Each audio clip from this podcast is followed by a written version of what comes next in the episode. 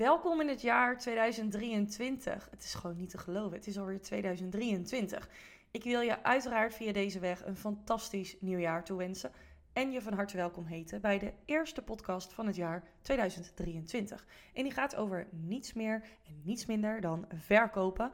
En dat dit een skill is die je kunt leren. En voordat we wat meer de diepte ingaan, wil ik eerst met je kijken naar hoe je mag kijken naar verkopen via Instagram.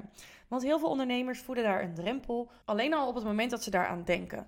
En daar gaan we dus ook eventjes iets aan doen. Want of je nu een webshop hebt of een dienst levert, dat maakt eigenlijk niks uit voor die skill van verkopen, want in beide gevallen heb je te leren hoe je dat doet. Maar er zijn drie dingen die je mag omarmen.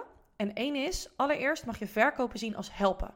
Dat is wat je doet. Niet alleen nadat iemand heeft gekocht, help je iemand bijvoorbeeld met een dienst, maar juist ook in die fase van het verkoopproces. En dat geldt ook voor jou wanneer je een webshop hebt.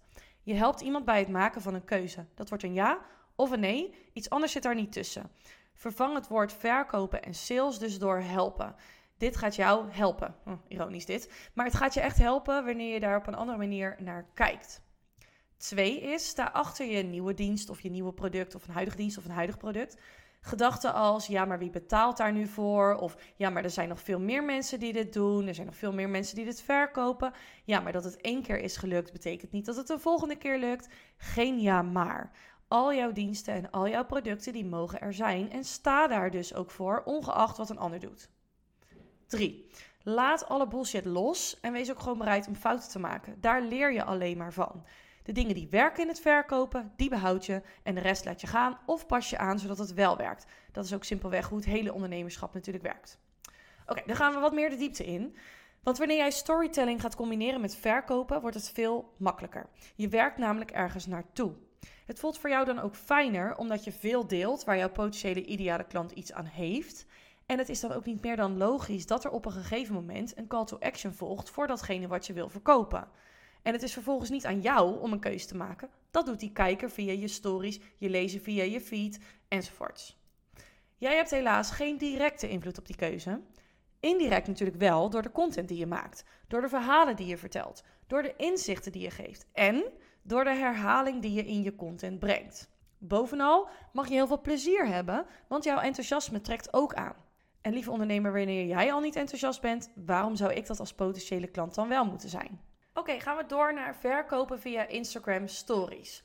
Want wat daarin belangrijk is, is dat jij in alles content ziet. In alles zijn namelijk verhalen te bedenken. En dat is iets wat jij als ondernemer te leren hebt. En een van die dingen is die overgang maken in je Instagram stories naar je aanbod. Ik noem dat in mijn Insta marketing programma altijd de bruggetjes en de haakjes. En het tussen neus en lippen doornoemen van je content. Zonder direct daar een hele uitgebreide storyreeks van te maken. Want dat is in alle gevallen niet altijd nodig. En nu kan ik me voorstellen dat je denkt: ja, Angela, wat bedoel je nou met die bruggetjes en die haakjes en dat stukje over tussen neus en lippen door? Dat ga ik je natuurlijk vertellen. Allereerst moet je bedenken dat je al een hele storyreeks hebt gemaakt die super waardevol is. Vervolgens heb je dus een bruggetje nodig om vanuit dat waardevolle verhaal naar je aanbod te gaan. En ik heb hier een viertal voorbeeldzinnen die je kunt gebruiken. En deze zijn natuurlijk even heel algemeen. In het Insta Marketing programma kan ik daarover met je meedenken. Nu wordt dat natuurlijk vrij lastig. Maar deze vier voorbeelden helpen jou echt wel om daar een beter beeld bij te krijgen. Nou, voorbeeld 1 is: Het kan anders, laat mij je helpen. En dan vertel je over je aanbod. Een ander voorbeeld is: Ik snap dat wat ik vertel overweldigend is. Toch hoeft dat niet zo te zijn. Vertel over je aanbod. Een ander voorbeeld is: Laat me je vertellen hoe ik dat zie. En vervolgens vertel je ook weer over je aanbod.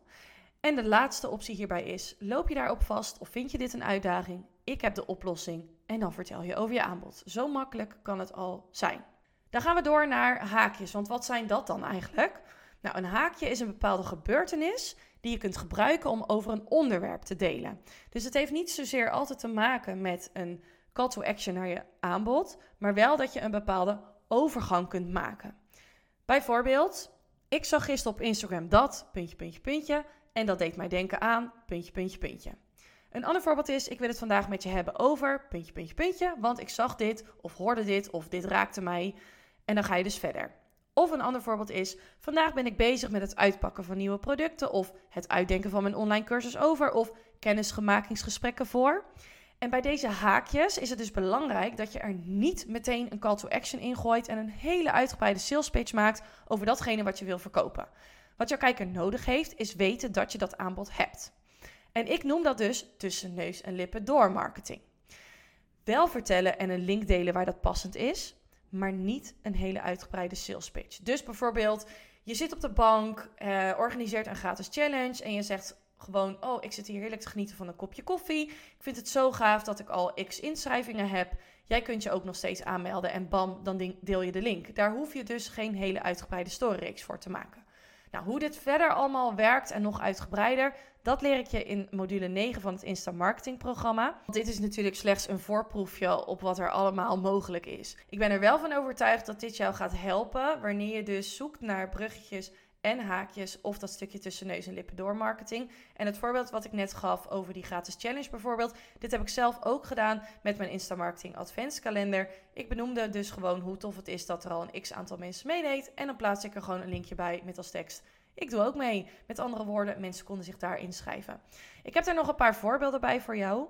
Ehm, tijdens een QA met klanten vertel je op Instagram dat je deze had. En dat die onderdeel is van programma X. Dat er in totaal bijvoorbeeld drie zijn, voor iedere maand één. En dat je bijvoorbeeld nog vragen kunt stellen in een Facebookgroep. En dit kun je doen met alles wanneer je in groepen werkt. En vervolgens weten ze dan gewoon: hey, dit hoort daar dus bij. Een ander voorbeeld is wanneer je bijvoorbeeld één op één calls hebt met klanten, dan kun je dat natuurlijk ook delen, al dan niet anoniem. En zo heb je meteen ook een brugje naar het benoemen van je aanbod.